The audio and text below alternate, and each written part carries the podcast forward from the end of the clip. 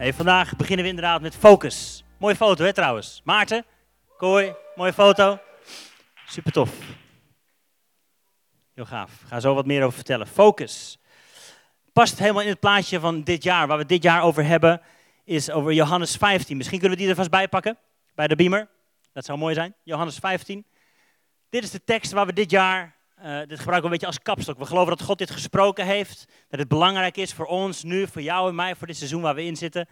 Dus hier spreken we het hele jaar eigenlijk over.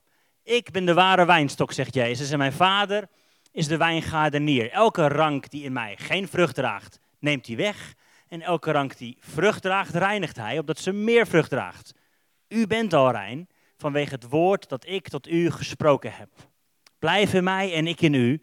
Zoals de rank geen vrucht kan dragen uit zichzelf als ze niet in de wijnstok blijft, zo ook u niet als u niet in mij blijft. Ik ben de wijnstok, u de ranken. Wie in mij blijft en ik in hem, die draagt veel vrucht, want zonder mij kunt u niets doen. Als iemand niet in mij blijft, wordt hij buiten geworpen zoals de rank en verdort en men verzamelt ze en werpt ze in het vuur en ze worden verbrand. Maar als u in mij blijft en mijn woorden in u blijven, Vraag wat u maar wilt en het zal u ten deel vallen. Hierin wordt mijn Vader verheerlijkt dat u veel vrucht draagt en mijn discipelen bent. We zullen wat vaker voorlezen dit jaar, maar dit is een belangrijk vers wat hoop ik in je hart landt. Focus, past hier helemaal binnen. We willen de komende maand, deze maand april, het is bijna paas, wil ik focussen op Jezus. Deze, zin, deze tekst eindigt met, met, mijn vader wordt verheerlijkt als je veel vrucht draagt. Dus wat kunnen we gaan doen als mensen? We kunnen focussen op veel vrucht dragen, veel dingen doen, veel bezig zijn, veel voor God doen, veel voor het koninkrijk doen, veel voor de kerk doen, veel voor...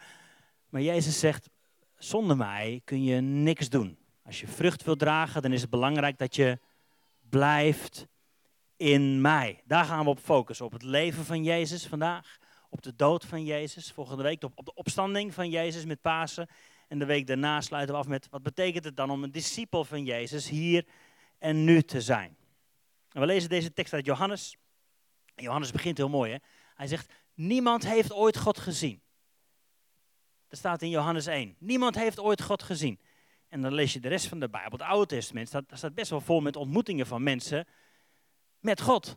Mozes ontmoet God, Abraham ontmoet God. En toch zegt Johannes, niemand heeft ooit God gezien. Maar Jezus, de Zoon, die maakt hem bekend. Of zoals in Hebreeën staat, Jezus is de, heeft de afstraling van zijn heerlijkheid. Hij is de afdruk van het wezen van God.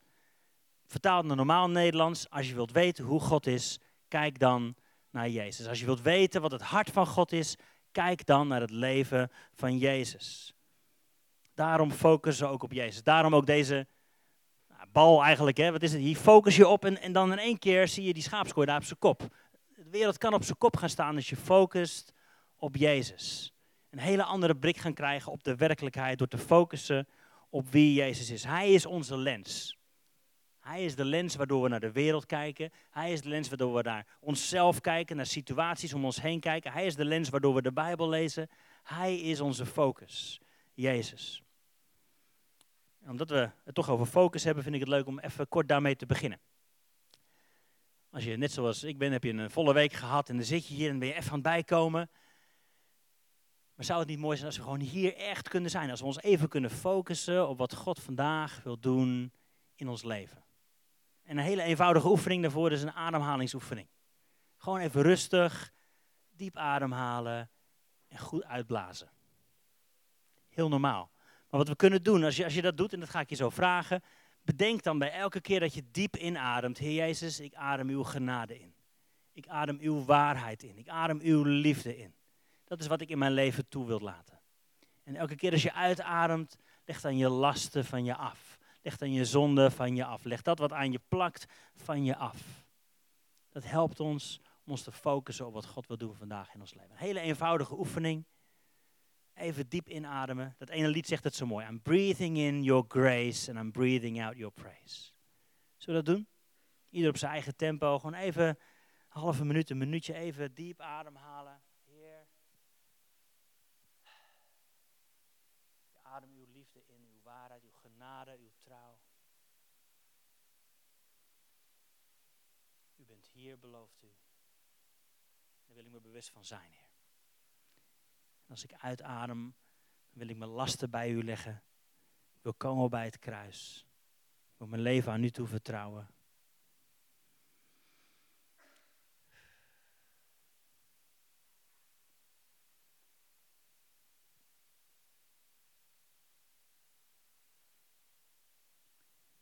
Dank u wel dat u hier bent, Heer. Als we zo samen net aan het aanbidden zijn, dan hoeven we niet uw aanwezigheid naar beneden te zingen. U, u bent al in ons midden.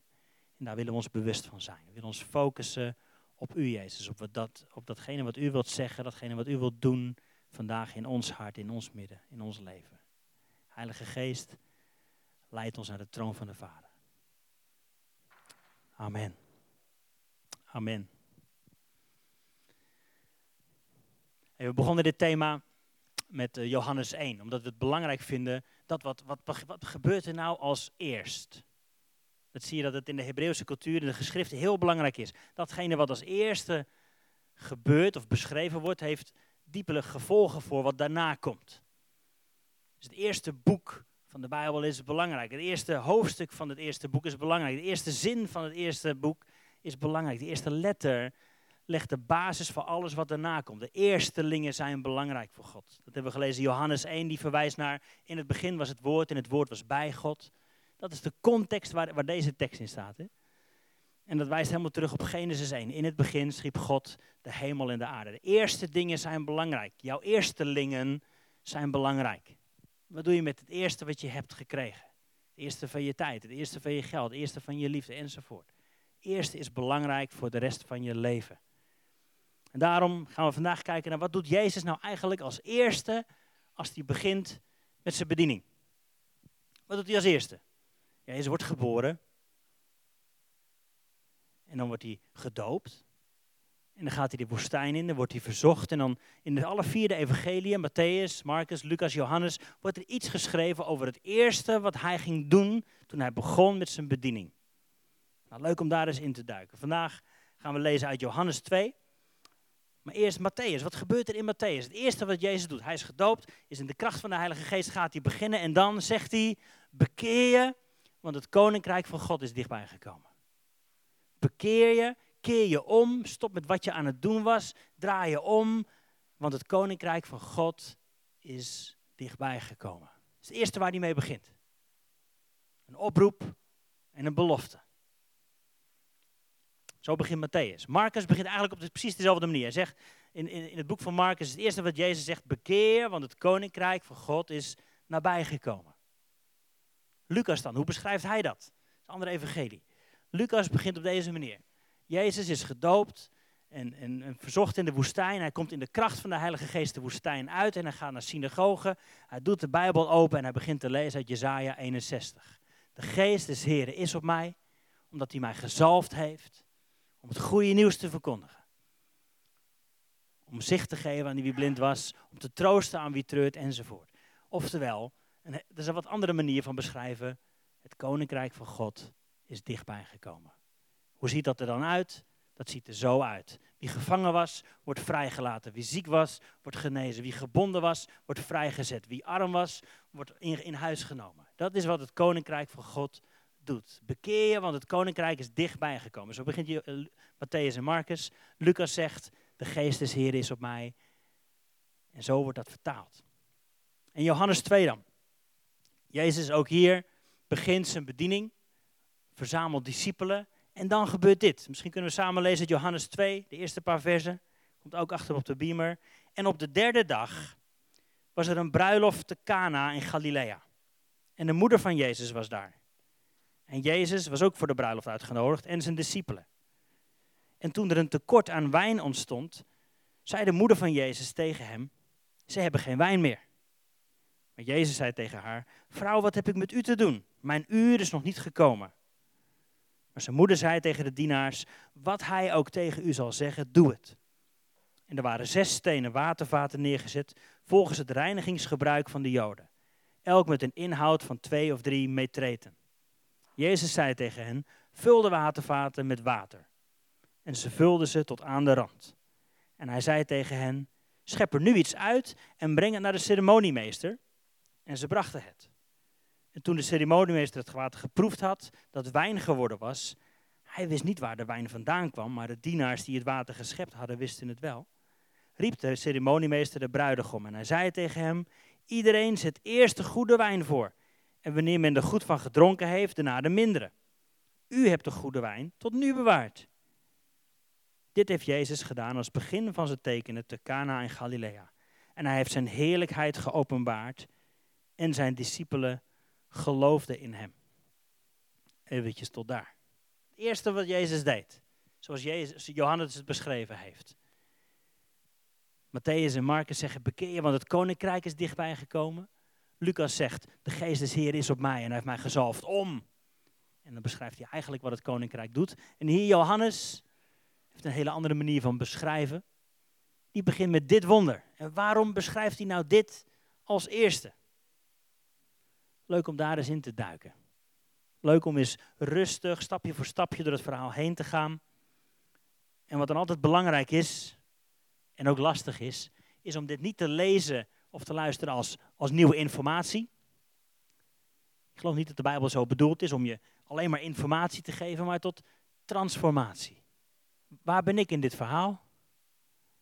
Als ik mijn ogen nou dicht doe en, en ik maak dit mee, wat, wat gebeurt er met mij? Wat zegt dit over mijn leven hier en nu? Wat gebeurt er in mijn leven? Ik wil niet alleen maar meer rijtjes kennen, niet meer feiten kennen. Ik wil Jezus kennen. Zoals Hij geopenbaard wordt door dit verhaal. Wat betekent dat voor mij hier en nu? En dat is in de kerk niet altijd goed begrepen dat dat ook in de evangelie te leren is. Soms denken we, Matthäus, Marcus, Lucas, Johannes, dat zijn de mooie kinderbijbelverhalen, maar voor de theologie moeten we Paulus hebben. Toch? Misschien heeft het een beetje zijn herkomst in de, de apostolische geloofsbeleidenis. Ken Dat wat de kerk al eeuwenlang beleidt. Ik geloof in God de Vader, almachtige schepper van hemel en aarde. In zijn Zoon Jezus Christus, geboren uit de Maagd Maria. Gekruisigd, opgestaan enzovoort. Jaren dat Jezus hier wonderen doet en het koninkrijk van God brengt, wordt eigenlijk overgeslagen in onze geloofsbeleidenis. Ik kan me voorstellen dat Matthäus, Marcus, Lucas en Johannes daar staan. Hallo, we hebben hard gewerkt op die evangelie. We hebben ons rotje geschreven. Waar, waar zijn wij gebleven? soms denken we, ah, het zijn mooie verhalen, maar voor de theologie, voor hoe het nou echt zit, moeten we Paulus zijn. Maar ik geloof dat we heel veel kunnen leren van wat er gebeurt in deze verhalen. Als we dat ook op onszelf betrekken. Als we kijken naar wie Jezus is en wat hij deed. Het leven van Jezus is het evangelie. Soms denken we, het evangelie is, Jezus kwam en hij stierf voor jou zonder zodat je naar de hemel kan. Volgens mij is het veel en veel groter, veel mooier, veel breder, veel dieper dan dat. Het leven van Jezus, dat is het goede nieuws over het koninkrijk van God. Zullen we stapje voor stapje door dit eh, verhaal heen gaan? Misschien kun je de slides gewoon laten zien erbij. Op de derde dag was er een bruiloft te Cana in Galilea en de moeder van Jezus was daar. Het eerste wat opvalt is de derde dag. Een paar hoofdstukjes daarvoor, een paar zinnen daarvoor, begint Johannes telkens met en de volgende dag en de volgende dag en de volgende dag. Maar hier in één keer lijkt het random en op de derde dag was er een bruiloft. Wat betekent nou de derde dag? En waarom viert iemand op de derde dag zijn bruiloft? Doen we hier toch ook niet zo vaak op dinsdag je bruiloft vieren? Nee. Waarom is een derde dag belangrijk? Nou, een beetje ingedoken. Wat leuk is om te ontdekken. In Genesis, hoofdstuk 1, God schept hemel en aarde. En telkens wat zegt hij aan het eind van, de, van een dag? En God zag dat het goed was. Wist je dat op de derde dag is de enige dag dat God dat twee keer zegt? De derde dag is een dag van dubbele zegen. Zo zien Joden dat. De derde dag is de enige dag dat God twee keer zegt. En het is goed, het is tof, het is mooi, zo hoort het te zijn. De derde dag is een dag van dubbele zegen. Andere verwijzing naar een derde dag is, is de tien geboden. Exodus 19:20 wordt het in beschreven. Het volk moest zich gaan reinigen, moest zich apart zetten. En op de derde dag was er een ontmoeting met God en de tien geboden werden gegeven. Een belangrijke dag dus voor de Joden, de derde dag. Wat ook nog belangrijk is, en dat lezen we later in Johannes 2, Jezus die dat eh, regelmatig over zichzelf uitspreekt, dat hij zou gaan sterven, maar op de derde dag zal ik opstaan. Een derde dag betekent altijd er gaat iets moois gebeuren, er gaat iets goeds gebeuren. God wil zijn dubbele zegen hieraan verbinden. Dat is het eerste wat opvalt. Het tweede wat opvalt, de moeder van Jezus was daar.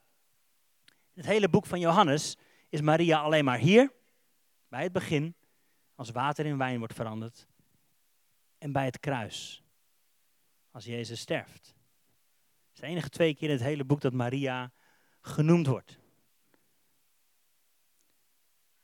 Daarna dan. Mijn uur is nog niet gekomen, zegt hij. Dat is ook apart, hè? Vrouw, wat heb ik met je te maken, zegt Jezus tegen zijn moeder. Ik weet niet hoe dat toen de tijd overkwam. Nu zou je het niet moeten zeggen.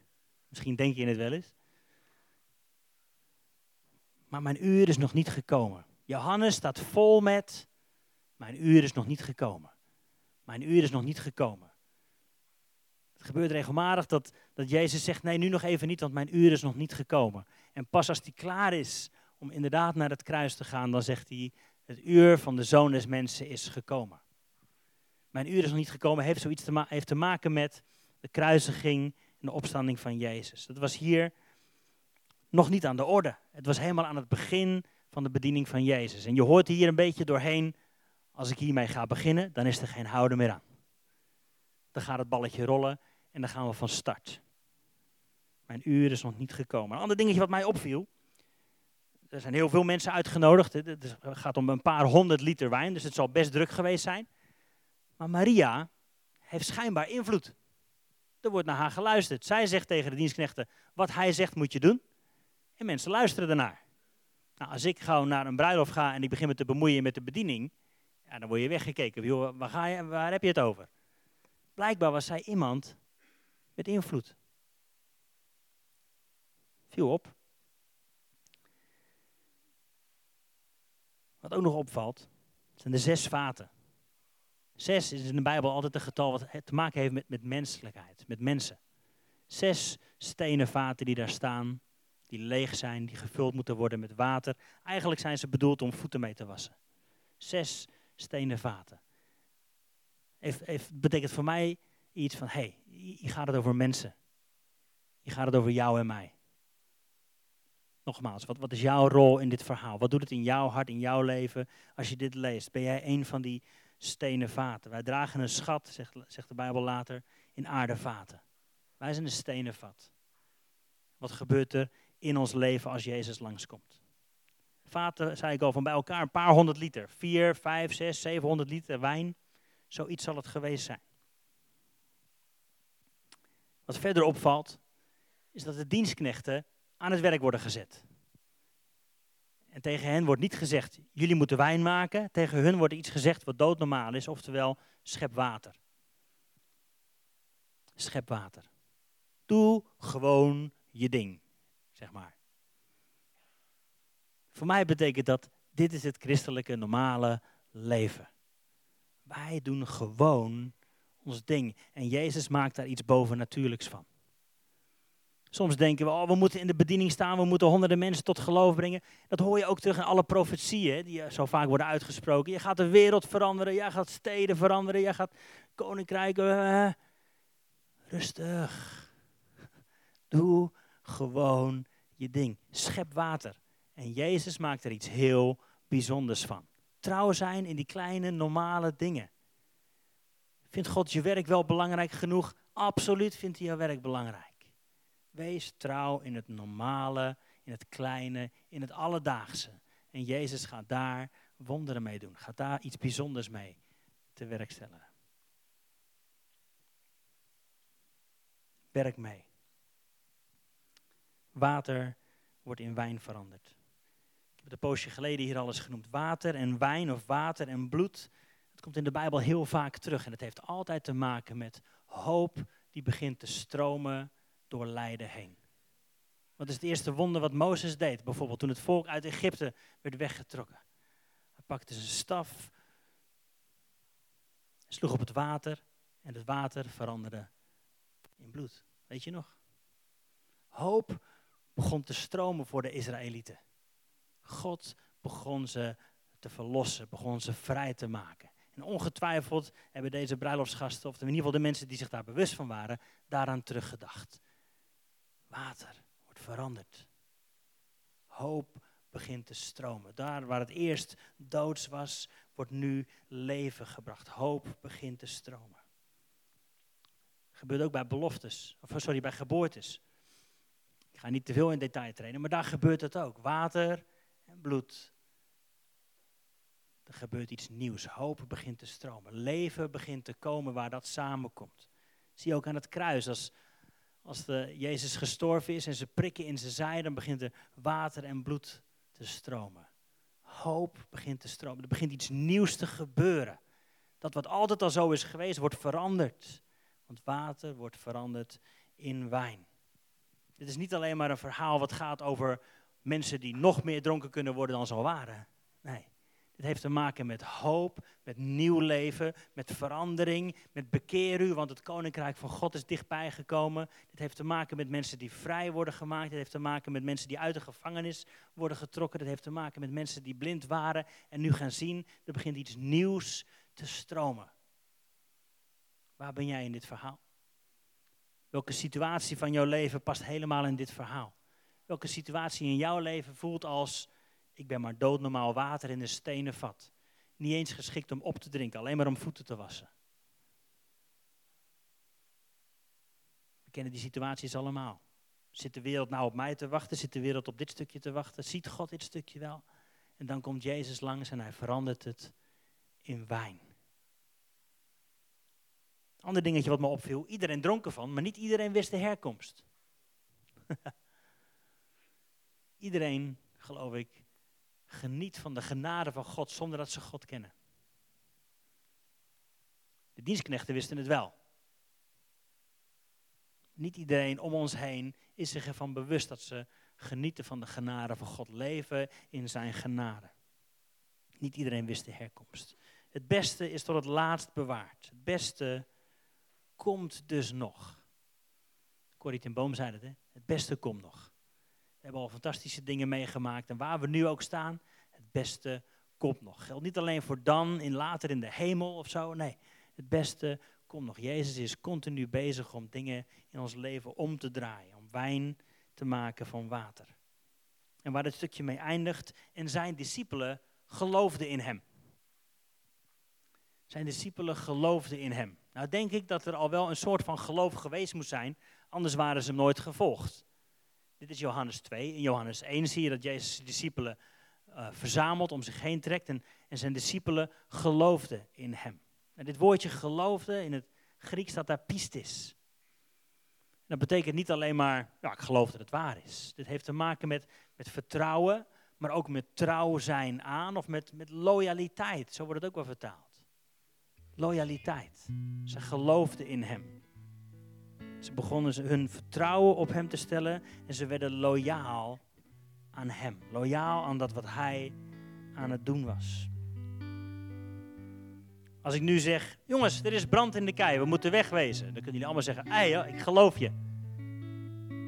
Dat vind ik leuk, ik heb liever dat je weggaat natuurlijk. Toch? Ik heb liever dat je wat gaat doen met de woorden die ik tegen je spreek. Dus ik heb liever dat je me gelooft. Dan dat je, ah ja, ik geloof wat je zegt. Dat is het verschil.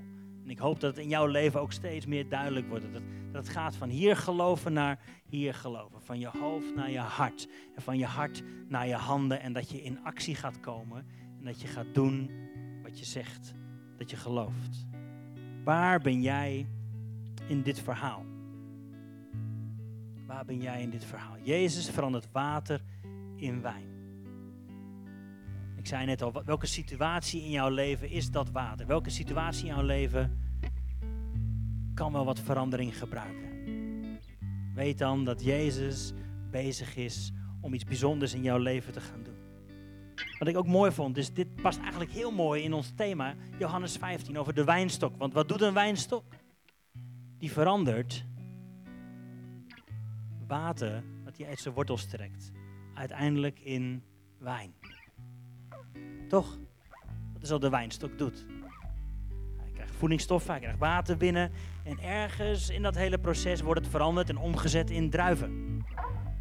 En die druiven worden, ook een heel leuk deel van het proces, die druiven worden geperst. En daar wordt wijn van gemaakt. Dat is wat de wijnstok doet. Jezus verandert water in wijn. En het is een proces. Het is een proces. Soms denken we, ah, ik wou niet in die wijnpers. ik wou liever water blijven. Toch? Dat zien we ook gebeuren bij, ik noemde het net al, Israël die bevrijd wordt uit Egypte. En dan komen ze in de woestijn en maken ze lastige dingen mee. En zeggen, eigenlijk waren we liever daar gebleven. En herkennen we dat ook niet in ons leven. Dat we zeggen, het was makkelijker geweest om in de wereld te leven. Want dan mogen een heleboel dingen wel, of zo. Jezus is bezig om water in wijn te veranderen in je leven. En soms betekent dat dat druiven geplukt worden en in een pers worden gestopt. En er komt druk op. En het beste dat we dan kunnen doen is niet zeggen, Heer, help mij hieruit. Maar Heer, help me hier doorheen. Hou mijn ogen op U gericht. Ik wil me focussen op U. Op degene die water in wijn verandert. Op degene die mijn wanhoop in hoop verandert. Op degene die mijn dood in leven verandert. Bekeer je, want het koninkrijk is nabijgekomen. Dit is wat het betekent. Geef je over. Vertrouw degene die jouw proces kent. Vertrouw diegene die je gemaakt heeft en die je kent en die je lief heeft. En die je wil veranderen in iets veel mooiers. In iets wat van veel meer eeuwigheidswaarde is.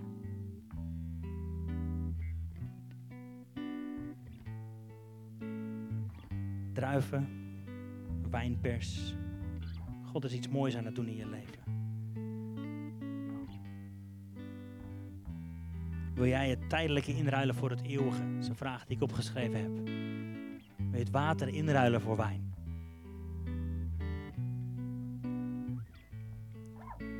En nogmaals, ik, ik hoop dat je vandaag, misschien nu wel, misschien in de loop van de week, moet denken aan situaties in je leven, aan misschien wel karaktereigenschappen in je leven, aan manieren van reageren, manieren van kijken naar dingen waarvan je denkt, ja, maar dat is, dat is water, dat is niet zoals het bedoeld is. Dit wil ik teruggeven aan God.